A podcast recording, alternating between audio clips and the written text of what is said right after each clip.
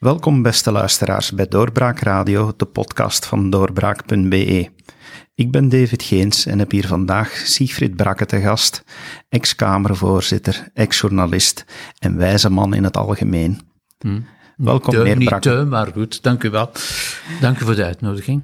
Meneer Brakke, ik wil het vandaag even hebben met u over de malaise aan de VRT-top. De CEO, Paul Lambrechts, nee, Lembrechts, die heeft eh, zijn nummer twee willen aan de deur zetten, Peter Klaas, en ja, werd daarin gerugesteund door de rest van zijn directie, maar is teruggefloten door de raad van bestuur. Daar loopt van alles mis. Kan u dat enigszins duiden, wat daar volgens u momenteel aan de hand is? Ehm, eigenlijk niet, om de simpele reden dat ik daar met zeer grote, verwonderde ogen zit op te kijken dat een eh, directiecomité eigenlijk rechtstreeks ingaat, niet alleen over de financiële toestand en de besparingen, maar ook over de positie van de nummer twee, gaat dus dat directiecomité rechtstreeks in tegen de aandeelhouder en de vertegenwoordiger van de aandeelhouder, dat zijn de leden van de raad van bestuur. Ik moet eerlijk zeggen dat, dat ik mij kan voorstellen dat dat uh, gebeurt, kan gebeuren, maar dan neem je eigenlijk meteen ontslag, omdat je het er niet mee eens bent. En dat geldt dus voor meneer Lembrechts, maar ook blijkbaar voor de leden van het directiecomité, met uitzondering uiteraard van de heer Klaas, die, die, die zouden stand TPD moeten opstappen. Nu, niets menselijk is niemand vreemd. Ik vermoed, en ik zet het heel bewust in parlementaire termen, dat de uitredingsvergoeding daar enige rol zou kunnen inspelen en dat ze liever ontslagen worden dan, dan dat ze zelf opstappen. Maar wie het niet eens is met zijn aandeelhouder, ja, en, en dat zelfs op papier zetten in een brief aan de Raad van Bestuur, ik, ik begrijp dat niet. Ik begrijp eerlijk gezegd niet, want ik ken een aantal van die mensen, hoe je dat kan doen, hoe je dat kan maken. Dus uitleg geen, ik versta dat niet, maar dat de toestand natuurlijk onhoudbaar is, dat is de evidentie zelf. Ja, maar is het dan ook niet even verwonderlijk dat de Raad van Bestuur dat ontslag op de lange baan schuift, of toch ook zomaar niet aanvaardt en een bemiddelaar aanstelt? Van, is dat een poging om de hete aardappel door te sturen naar de volgende Raad van Bestuur, of zelfs naar de bevoegde minister? Wel, er zijn verschillende dingen. Ten eerste, het is natuurlijk een, een uittredende raad van bestuur. Je zou kunnen zeggen, het is een raad van bestuur in lopende zaken, dus dat is al moeilijk. Ten tweede is het natuurlijk du jamais vu, om het in goed Nederlands te zeggen. Uh, en dus noopt ook dat tot uh, voorzichtigheid. Uh, dat dat een zaak is die finaal bij de politiek en de regering en de minister gaat terechtkomen. Dat lijkt me eerlijk gezegd onvermijdelijk, hoewel ik alle begrip heb dat de minister zegt van, ja maar los het op, hè. dat is een interne aangelegenheid, maar dat zal het niet blijven. Dit gezegd zijnde moet ik wel constateren dat ongeveer iedereen kon worden aangesteld als bemiddelaar, behalve de man die ze hebben aangesteld als bemiddelaar, omdat dat de man is die als headhunter meneer Lembrechts daar heeft gezet. Nu, dat is deontologisch zo fout dat het bijna niet anders kan als dat daar een politiek manoeuvre moet achter zitten. Dus dat is, dat is uh, dat zijn niet noodzakelijk mijn vrienden, niet waar, maar ik heb dat wel, uh, ik lees dat wel. Um, heeft, dat, heeft dat blootgelegd via een andere bemiddelaar, een beroepsbemiddelaar ook, die dus zegt, ja, dat, dat is iets wat totaal onmogelijk is. Is het om die reden dat u op de tweet van Noël Slangen hebt gereageerd dat het far more wicked is dan uh, wat Het is er op far de eerste... more wicked om de simpele reden dat het bijna niet anders kan, tenzij men mij het tegendeel bewijst, dan dat dit een zet is die met politiek te maken heeft. Maar vraag mij niet hoe of wat en wat daarvan de achtergrond is, maar dit is zo grof eigenlijk en zo brutaal dat het bijna niet anders kan, maar dat is mijn deductie.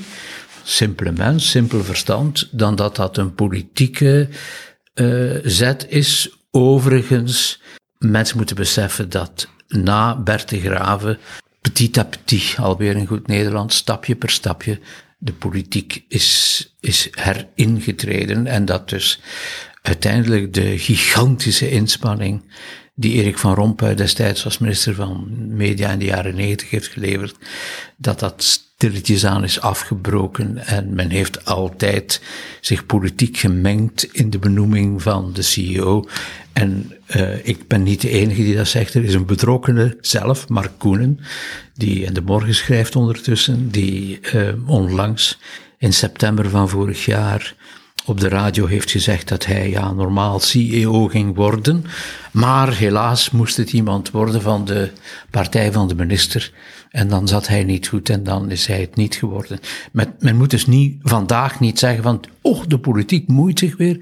Nee, nee, de politiek is langzaam teruggekeerd. Zoals alles trouwens uit het voormalige ministerie van Radio en Televisie is teruggekeerd bij de VRT, stapje per stapje.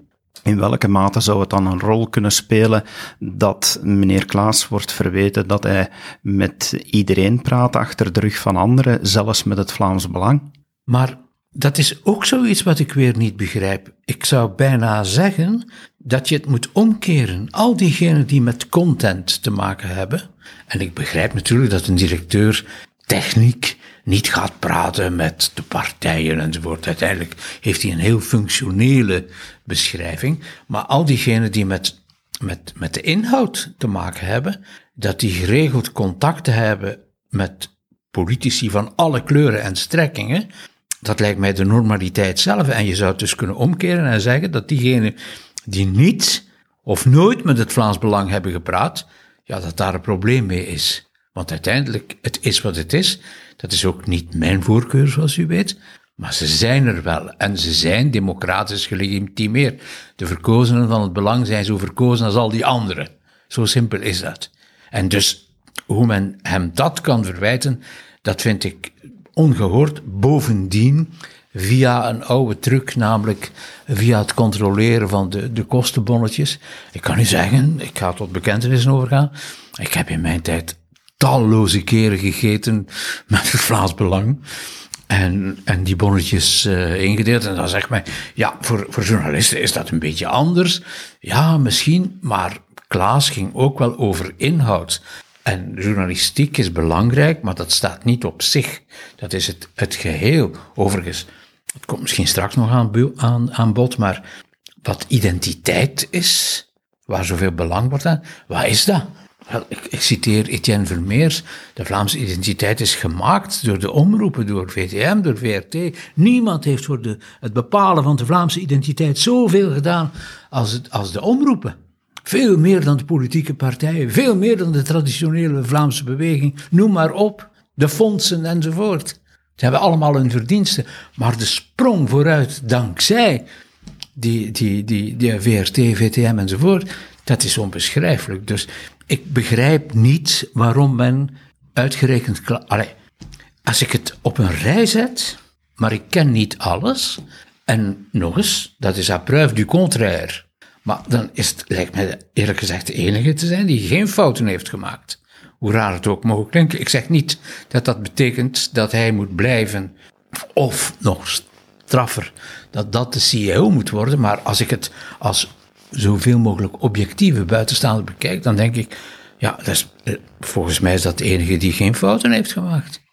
Gewoon algemene zenuwachtigheid aan de top omwille van de nieuwe beheersovereenkomst die moet getekend worden. Zou dat invloed hebben? Ik, uh, ik zou het niet weten.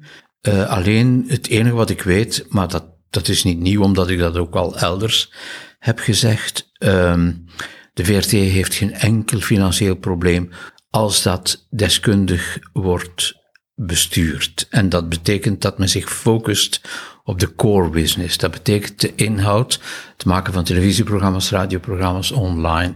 Als men zich daarmee bezighoudt en dus eens goed kijkt wat ertoe bijdraagt en wat overbodig is, dan zwemt de VRT in het geld. En de besparing die, die Jan Jan Bonnen en zijn ploeg de VRT heeft opgelegd, die overigens minder is dan andere, bij andere instellingen.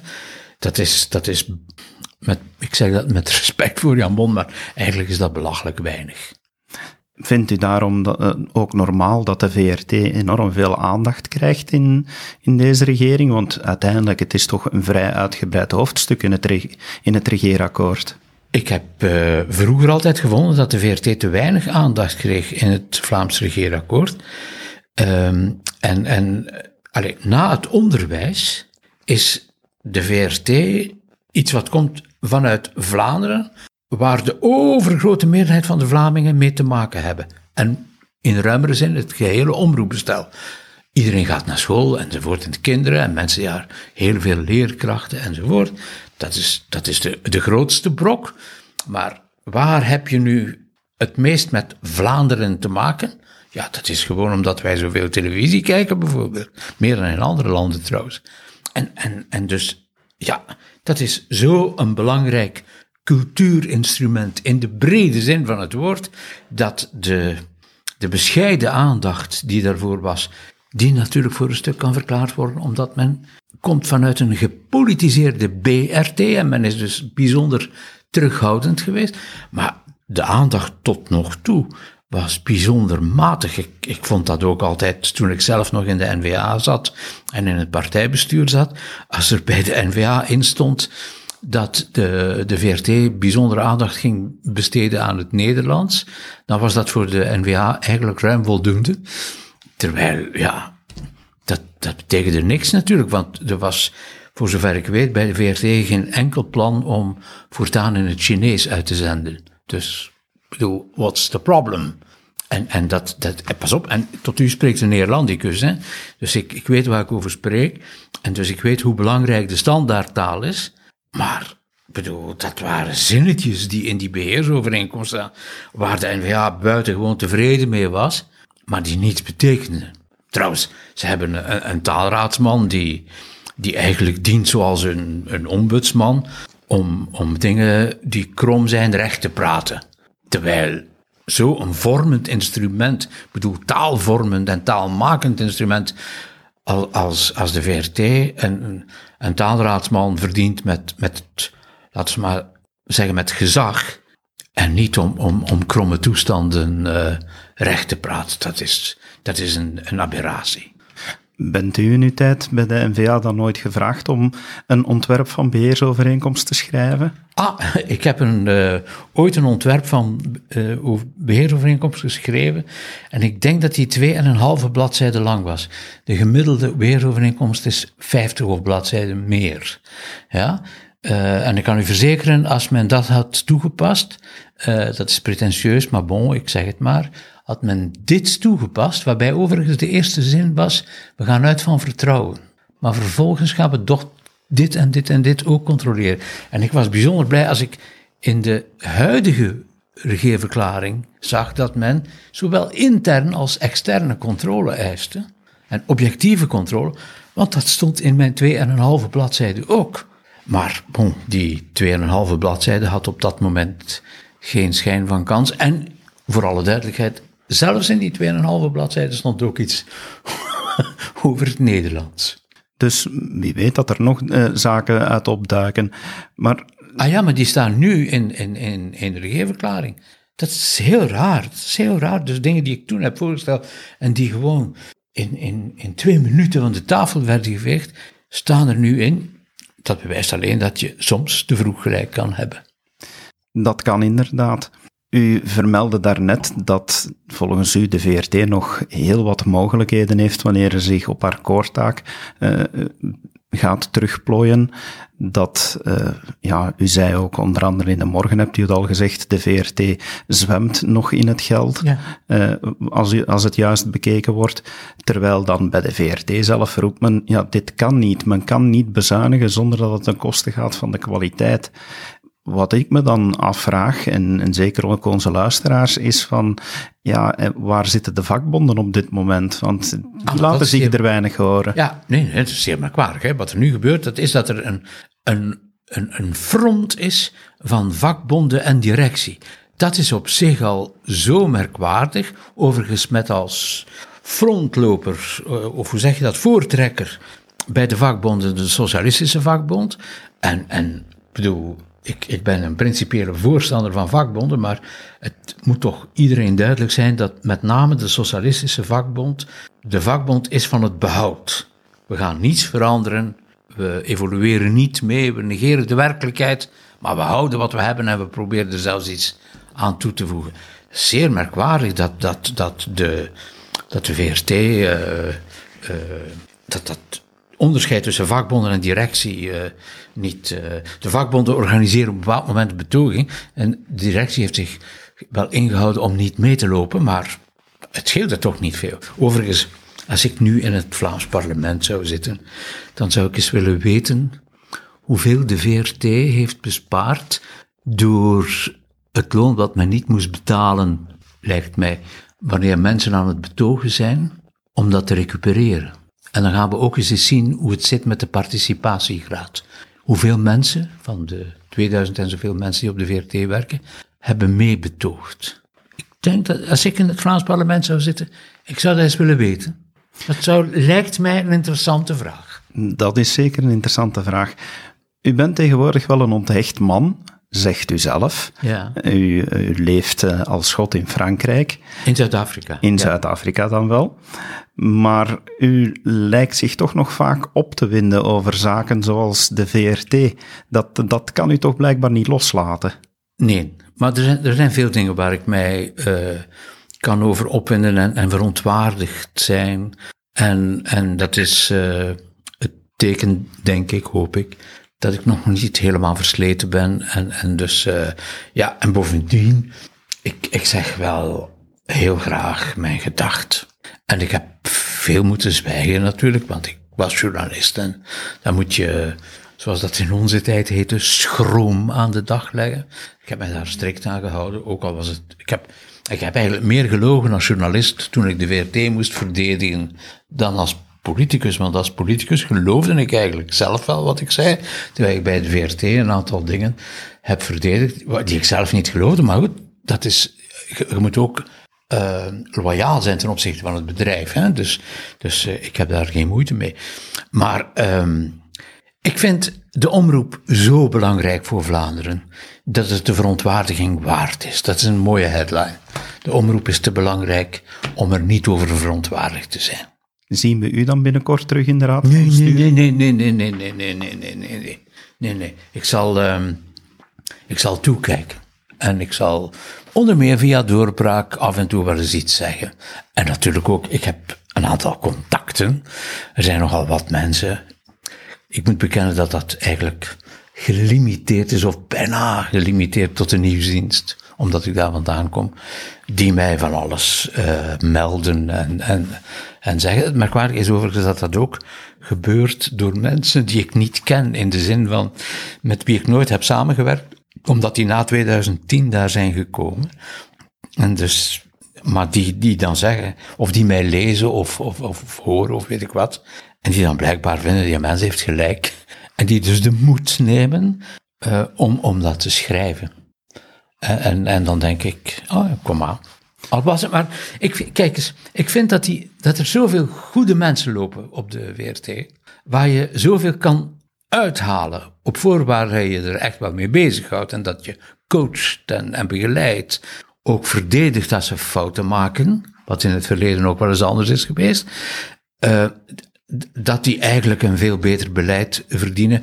En in die zin denk ik, ondanks mijn verwondering over de stappen die de, de directeurs uh, zetten, ja, eigenlijk is dat misschien ook alweer niet zo erg. En dan, dan zet je daar betere mensen die zich uh, op een andere manier met die VRT bezighouden. Want de, de, de mensen die daar werken en die goed zijn, wat ze niet allemaal zijn natuurlijk, maar er zijn er toch een behoorlijk aantal, ja, die gaan daar beter van worden. En bij uitbreiding nadien wij ook als gebruikers, als mediagebruikers, televisiekijkers, radioluisteraars, online gebruikers. Dus dat, dat, dat is goed. Zoals ik al zei, een wijze man bij wie men graag te raden komt en wie men graag uh, raadpleegt in tijden van moeilijkheden. Ja, maar men, kijk, men, men moet, men moet uh, Het is een cultuurprobleem. De VRT moet, moet, moet uh, bijvoorbeeld om de nieuwsdienst, een, een, een, uh, wat een moeilijk beroep is, want ik heb dat jarenlang gedaan. Hè, dus, en, en je maakt ook fouten natuurlijk, hè, onvermijdelijk, hè, want iedereen is maar mens. Zoals dat in alle uh, stilen gebeurt. Um, maar je moet dan de, de, de moed hebben om die, die fouten gewoon te zeggen, ja, we hebben hier een fout gemaakt. En, en dat is een cultuur waarvan ik heb geconstateerd dat die totaal weg is. Zo van, uh, waarom? Daarom. Omdat ik het zeg. Bijna zoals ik tien was. Toen ik zestien was, was het al lang weg. Wel, de VRT gedraagt zich zoals toen. Zo van, wij, wij bepalen wat kwaliteit is. Ik, ik heb ooit een, een Amerikaanse consultant in dienst genomen toen ik hoofdredacteur was, om eens te, te auditen, hè, te kijken wat ze deden. En een van de zinnetjes uh, die in het verslag stonden van die man, die overal in de wereld werkte als auditor, maar net op, op, op dat terrein. Uh, en dat ging over een bepaalde redactie. En er stond letterlijk, um, they think they are good because they say they are good. Ja, dat is het. En, en dus er moet echt grondig is ingepoetst worden. Er zitten daar mensen die al veel te lang ook hetzelfde doen, zonder dat die ook omkaderd zijn. En dus dat is ontzettend veel werk, maar natuurlijk, dat zal niet zomaar gebeuren. De Vlaamse regering zal een beetje moed moeten tonen om, dat heel belangrijke cultuurinstrument. En je kunt zeggen, ja, maar de mensen kijken naar Netflix, maar het aantal Vlamingen dat de VRT als bron en baken heeft, is nog altijd ongelooflijk groot, relatief gesproken veel groter als op een ander trouwens. Um, daar moet eens in gepoetst worden, er moet echt eens goed in gekeken worden. Je moet daar uh, een nieuw beleid hebben, je moet daar uh, niet alleen veeartsen met verstand van financiën, wat dan zeer relatief is, was, want die moeten dan iets bouwen en dat blijkt dan compleet uit de hand te lopen. Ik bedoel, dat, dus dat is allemaal zeer relatief. Maar je, je moet daar ook creatieve mensen aan het hoofd zetten die, die, die van wanten weten. En natuurlijk moet je daar financiële mensen rondzetten en business people en marketing people enzovoort. Maar, maar dat moet echt wel geleid worden op basis van inhoud. Uh, de content, zoals dat zo modieus heet. En, en uh, in het vak, mijn voormalig vak, zegt men form follows content. Nooit vergeten. Mooi om af te sluiten. Dankjewel, meneer Brakke. We onthouden voornamelijk dat de VRT te mooi is om te negeren en vooral te waardevol. En uh, we hopen dat uh, dit advies zeker te harte wordt genomen. We zullen ons best doen. Dank u wel. Beste luisteraars, dank u wel dat u er deze keer ook weer bij was. Uh, we hopen u een volgende keer opnieuw te mogen begroeten. Tot ziens. Dag. Dit was een episode van Doorbraak Radio, de podcast van doorbraak.be. Volg onze podcast op doorbraak.be/radio of via Apple Podcasts, Overcast of Spotify. Bezoek ook onze website op doorbraak.be en steun ons door een vriend te worden van Doorbraak.